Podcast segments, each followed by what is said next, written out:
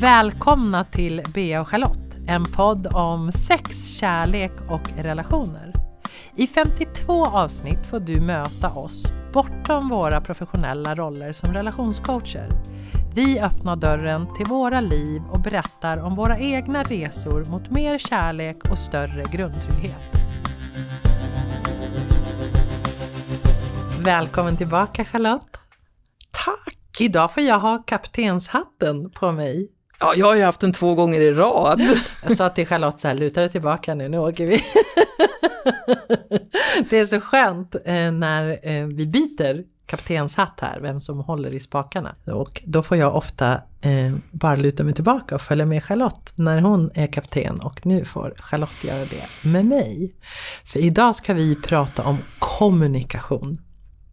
Kommunikation som kanske kan låta så här extremt osexigt. Så här, ah, ska vi jobba med vår kommunikation?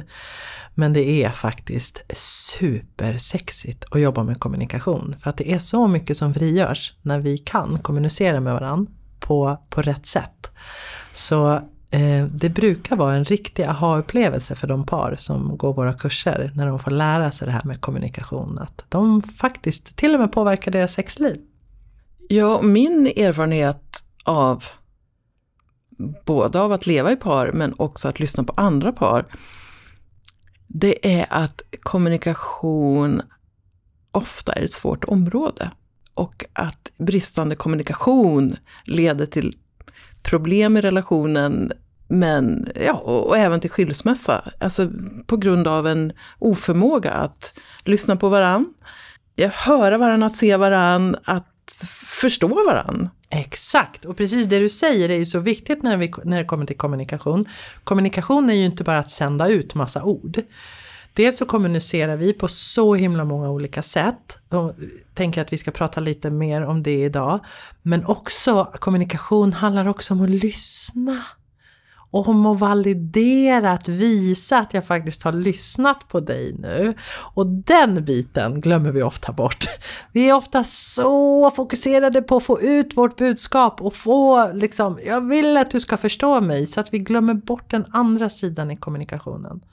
Och jag har ju jobbat med kommunikation i många, många år på min eventbyrå och hjälpt företag med deras kommunikation mot, mot deras medarbetare. Så jag trodde att jag var grym på kommunikation. Och det visade sig när jag började att syna det att det var jag inte alls det, för jag har väldigt svårt att lyssna, eller jag hade väldigt svårt att lyssna. Och jag kommer ihåg en, en gång, jag gör ju väldigt mycket övningar och tränar väldigt mycket på kärlek och allt som har med relationer att göra eh, i, mitt, i min relation. Och en gång så hade Theo föreslagit en kommunikationsövning eh, som eh, handlar om att validera och att spegla tillbaka det man har hört. Och jag bara, äh, det där är väl inga problem, det är ju Theo som har problem att höra vad jag säger, typ så. Den attityden kom jag in med. Och sen skulle vi prova den i liksom ett, ett real life, ett, ett svårt ämne som vi pratade om. Och vi gick i Alen i Hälsingland där vi hade vårt torp förut. Och, och han började berätta liksom om hur han hade sett på, på en händelse som vi hade en konflikt om. Och jag skulle då sen spegla tillbaka vad jag hade hört för att sen fråga sig, har jag, uppfatt, har jag hört rätt? Och sen när han tystnar efter typ två minuter och jag ska spegla tillbaka så kommer jag inte ihåg någonting. För jag var så totalt upptagen med att planera mitt försvarstal i huvudet så att jag liksom säger, jag har ju hört men jag har inte lyssnat. Det var sånt wake-up call för mig just den dagen i Alen. Och sen har jag verkligen, verkligen tränat på att så här, jag ska inte bara höra vad du säger, jag ska också vara tyst i mitt eget huvud och verkligen lyssna. Så, så att det här kan man ju träna på. Jätte, det finns ju jätte, jättemycket forskat och liksom skrivet om kommunikation. Jag tänker också på jag hade nyligen en situation eh, med Staffan. Där, där jag sa, så här tycker jag om det här. Skulle nu du kunna berätta vad du hörde att jag sa? Och så sa han någonting helt annat. Och då sa jag, ska jag upprepa det en gång till? Och det här hände i en situation, det hade lika gärna kunnat vara jag, där en av oss blev triggad. Jag var säkert lite triggad också. Och då är det som att man får svårare att höra vad den andra säger och så går man i en slags så här försvarsposition och så svarar man an på någonting som den andra faktiskt inte ens har sagt. Exakt. Och det där har ju med våra trygghetssystem i hjärnan att göra. Om vi känner oss trygga, då blir vi mer öppna för en andras perspektiv. Känner vi oss på någonstans otrygg eller lite hotade, och hotade kan ju vara så här mm, att någon ska gå till attack mot oss eller att vi ska att relationen kanske sätts på spel eller så. Då blir vi väldigt själviska och det här är ju liksom i våra system i hjärnan. Så, så, att, så att för att kunna lyssna på, på våran partner till exempel eller på en annan människa så behöver vi också tillsätt, liksom sätta oss i ett tillstånd där vi faktiskt är lugna och trygga i kroppen. Mm. För att kunna öppna upp, för man är mer öppen när vi lutar oss tillbaka. Till exempel har jag fått träna på att luta min kropp tillbaka rent fysiskt i stolen, fåtöljen eller så istället för att vara så på och här framme hela tiden. Som en liten kobra. så, så fort någon blir tyst då bara hugger jag med mina kommentarer. Liksom. Eller helst i, i min relation till Theo har det verkligen varit så. Så vi har ju fått träna jättemycket, det jag har fått träna jättemycket på om jag pratar om mig själv, det är att prata om mig själv och inte om honom. Jag var specialist på att berätta allting om honom. Hur det skulle vara och vad han tyckte och minsann och oj oj oj oj oj oj. Och börja prata om mig själv. Och det här har varit skitläskigt för att som vi har pratat om tidigare avsnitt om sårbarhet. Att öppna upp och prata om mig. Liksom, bara det, att prata eh, så här, jag blir ledsen eller jag känner mig ensam. Istället för att säga du vill aldrig vara med mig. Liksom. Bara den. Vad har du för förhållande till det här med jag-budskap? Och jag-budskap är så otroligt viktigt och det kommer vi att prata lite mer om mm. i senare avsnitt. Vi ska prata om feedback lite senare, då blir jag-budskap otroligt viktigt. Mm. För det vi ofta gör när vi känner oss pressade, det är det vad jag kallar du-budskap. Mm. Alltså du är dum. Du är dum ja, precis, exakt. Och, och det som också är Eh, som vi har tränat på. Och både jag och Theo som ni vet, ni som har lyssnat på oss, har otrygg anknytning. Vilket innebär att vi ofta befinner oss just i den här otrygga. Vilket gör att vi ser allting som hot hela tiden. Så vi har ju fått tränat på det här med kommunikation. Och i, jag tror att vi 2016 började vi liksom så här systematiskt träna på att ta oss till en trygg anknytning. Och då gjorde vi bland annat en kommunikationsövning. Varje dag i ett och ett halvt år gjorde vi samma kommunikationsövning. Och det var några frågor som vi skulle svara på för att fördjupa och träna på att lyssna, att vara sårbar med varandra och att faktiskt bara vara nyfiken på varandras dag och så vidare.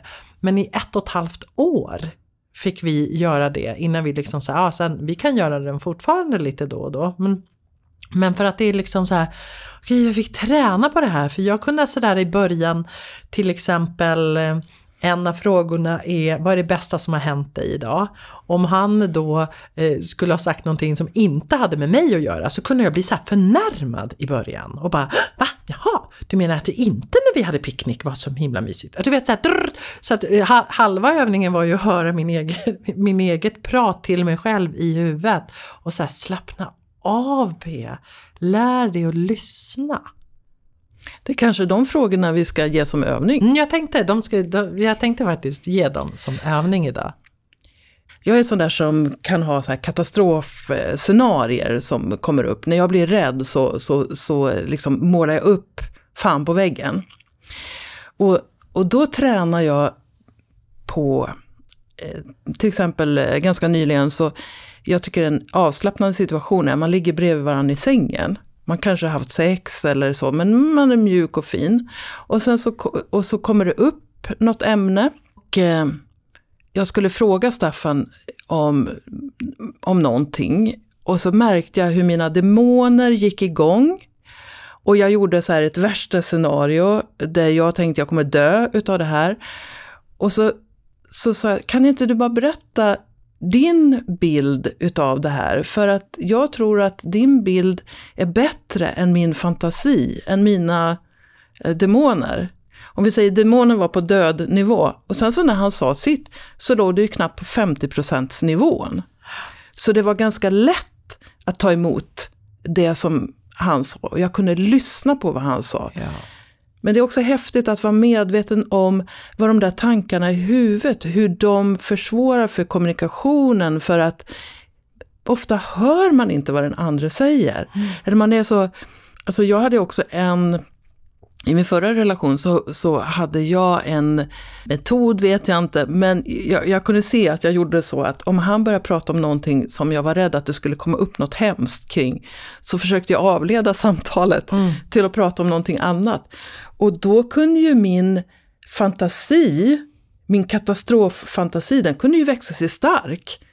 För att eh, vi tog ju aldrig upp den saken. Sen, sen när jag började lyssna, då visade det sig att, att min fantasi var alltid värre än, än verkligheten. Mm. Så du ser ju den otrygga anknytningen som bara spelar ut. Ja men och det där är så himla vanligt. Just jag känner igen mig i det där med att kontrollera ett samtal för att man är otrygg. Så att man liksom styr in det på annat eller så ha ha ha börjar skratta eller åh nu måste jag koka kaffe eller whatever vi gör för att göra det. Men precis som du säger att lyssna är ju en sån viktig ingrediens. Att verkligen lyssna och faktiskt spegla tillbaka. Det jag hör dig säga, jag uppfattar att du säger så här nu, stämmer det? Och helst om jag blir triggad, att faktiskt fråga. Eller fråga om de här demonerna i huvudet. Jag har en eh, story i mitt huvud som säger att, att det är så här och så här nu, stämmer det? För att, för att det faktiskt, faktiskt bara är fantasier. Men en viktig del i att lyssna som jag vill komma in på också och skicka med alla er som lyssnar på det här. Det är vikten av validering. Och validering handlar ju om att visa att jag har hört vad du har sagt. Och, och att validera dina känslor i det här. Och det här hade jag supersvårt med i början. För jag var ofta så om någon berättade någonting för mig så kunde jag säga så här, nej vadå det där är väl inte så farligt eller det där har du ju tjatat om jättelänge, släpp det där nu. Så att de liksom, jag mötte det inte upp det och oftast när vi säger någonting till en annan människa så kan vi släppa det vi säger bara vi vill bli validerade, alltså hörda i vad vi säger. Så jag ska bara ta ett exempel på en skillnad. Istället då för att till exempel säga så här, jag fattar inte varför du måste vara så arg, släpp det där nu. Att validera skulle jag då till exempel säga jag förstår att det här betyder jättemycket för dig. Jag hör att du är jätteupprörd. Och jag behöver inte hålla med. För jag kanske tycker att det är en skitsak. Men det är inte en skitsak för dig. Och när vi får det här. När jag och Theo började träna validering i vår relation. Det var som att vi slappnade av på en så här själslig nivå tillsammans. Och bara, äh? Du lyssnar ju faktiskt. Jag känner mig hörd. Och, och, och, så. och när jag inte kände mig hörd förut så kunde jag ju tjata på. För att jag saknade den här valideringen eller empatin eller så. Och det är där vår känslomässiga kontakt liksom vävs ihop. Jag tänker en viktig sak i det du säger, eh, som jag vill lyfta fram. Allting är viktigt, men en sak som jag vill eh, lyfta fram. Och det är ju att man behöver inte hålla med, utan man speglar att jag har hört vad du säger. Så man behöver inte ha någon åsikt om det andra, utan man bara visar. Ja, jag hör vad du säger, jag, jag, jag förstår var du är någonstans. Mm, precis. Och jag tänker om man har ett litet barn som kommer hem till exempel. Och så kommer det hem och säger så här Stina var jättedum mot mig i klassen idag och hon kastade mitt suddgummi och pappa, pappa, pappa, pappa eller något så. Jag är ju så. Och att då verkligen så här, sätta sig ner med det barnet och säga så här. Nej, men jag hör att du är jätteledsen. Jag hör att du är jättearg. Istället för att säga så här. Ah, ja, men lek inte med den där Stina och mer då. Det är inte det det handlar om. Det handlar om att vi som människor vill bli sedda i våra känslor och det är så vi utvecklar liksom en känslomässig intelligens tillsammans. Att få vara i det. Så, så bör, vi kan ju börja träna också när du lyssnar, att börja validera människor i din omgivning. Att bara säga, jag förstår, jag ser att du är jätteledsen, jag ser att du är jättearg. Så, även om man inte skulle vara det själv om någon hade kastat ett suddgummi så är det ju så att det handlar inte om dig. Det är ju en annan människa som berättar om sina känslor nu. Jag tänker också att vi är ofta rätt så självupptagna vi människor som lever i den här världen där vi är högst upp i Maslows behovspyramid och sådär. Och då, då kan vi ju fundera mycket på vad, vad det betyder vad andra säger så, eller hur de beter sig.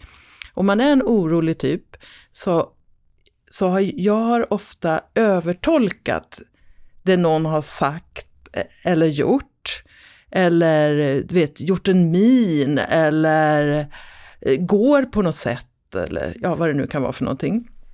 Eller inte hälsat på mig när jag kommer till jobbet eller det kan vara lite vad som helst. Här. Och då, då, då började jag för tio år sedan med eh, verklighetskontroll, reality check. Då kunde jag till exempel säga om, om jag får för mig att du är sur på mig, då, då skulle jag kunna säga du Bea, när jag kom in på jobbet i morse så hälsade inte du på mig och jag får en känsla av att det är någonting här mellan dig och mig. Ligger det någonting i det? Mm. Och då skulle du kunna säga så här, ja Charlotte, eh, du träffade en öm punkt, det är faktiskt någonting jag har här. Fast det händer ganska sällan. Och så kan det vara så här, eh, nej men jag märkte inte att du kom till jobbet, jag var fullt upptagen med någonting annat. Och det, allting är bara bra, men säg till nästa gång du tycker att det verkar som att jag ignorerar dig. Ja. Typ. En öppen och rak kommunikation. Ja, Ofta bara... är vi så himla rädd för det. Och så vidare. Det är liksom, och sen så försöker vi att styra kommunikationen eller inte skylla på vår partner. Och det är så här, i långa loppet funkar inte det. Det här är de, en av de grundstenarna i hälsosamma relationer är att ha en god kommunikation. Så känner ni som lyssnar att det här brister i er relation, alltså lär er ja-budskap och lyssna, validera, tänk på ditt kroppsspråk. Att sitta med armarna i kors och bita ihop och säga nej, jag är inte arg. Liksom, eh, va?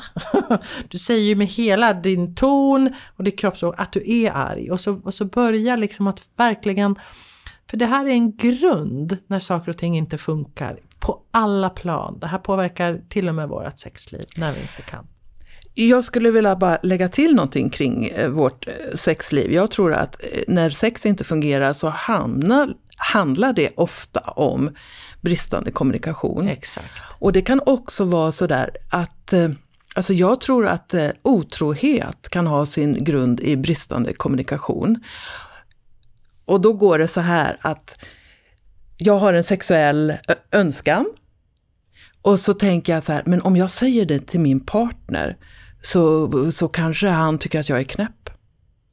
Så jag törs inte säga det till min partner. Men då kan jag gå till någon annan istället. Då slipper jag visa mig sårbar mot min partner. Mm. Och jag får testa den här. Istället för att ta risken mm. och säga, ja, alltså älska med gula stövlar, det är alltid det jag har längtat efter. ja, men vad fint. Eh, vi ska sluta där med den här gula stövlarna.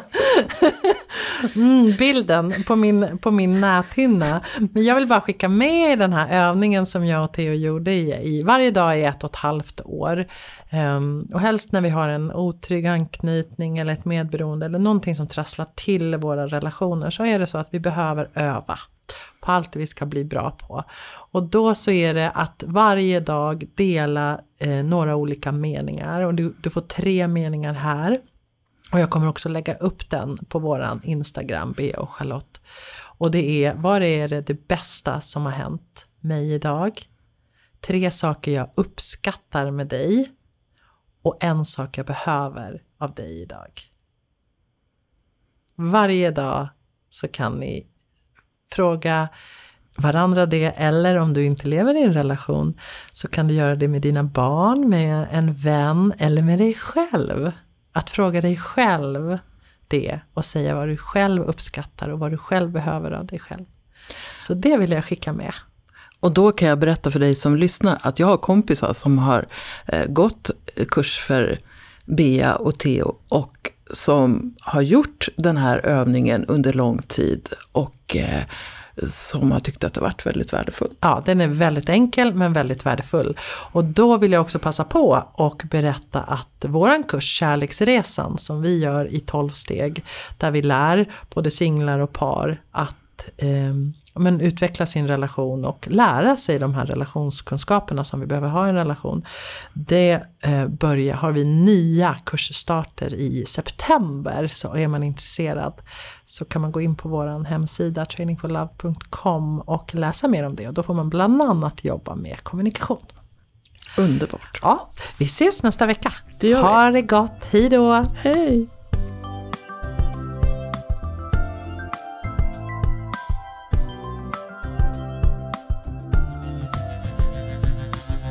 Du har lyssnat på Bea och Charlotte. Nästa vecka väntar ett nytt spännande avsnitt. Missa inte det! Bea hittar du på trainingforlove.com och Charlotte på charlottekronqvist.org.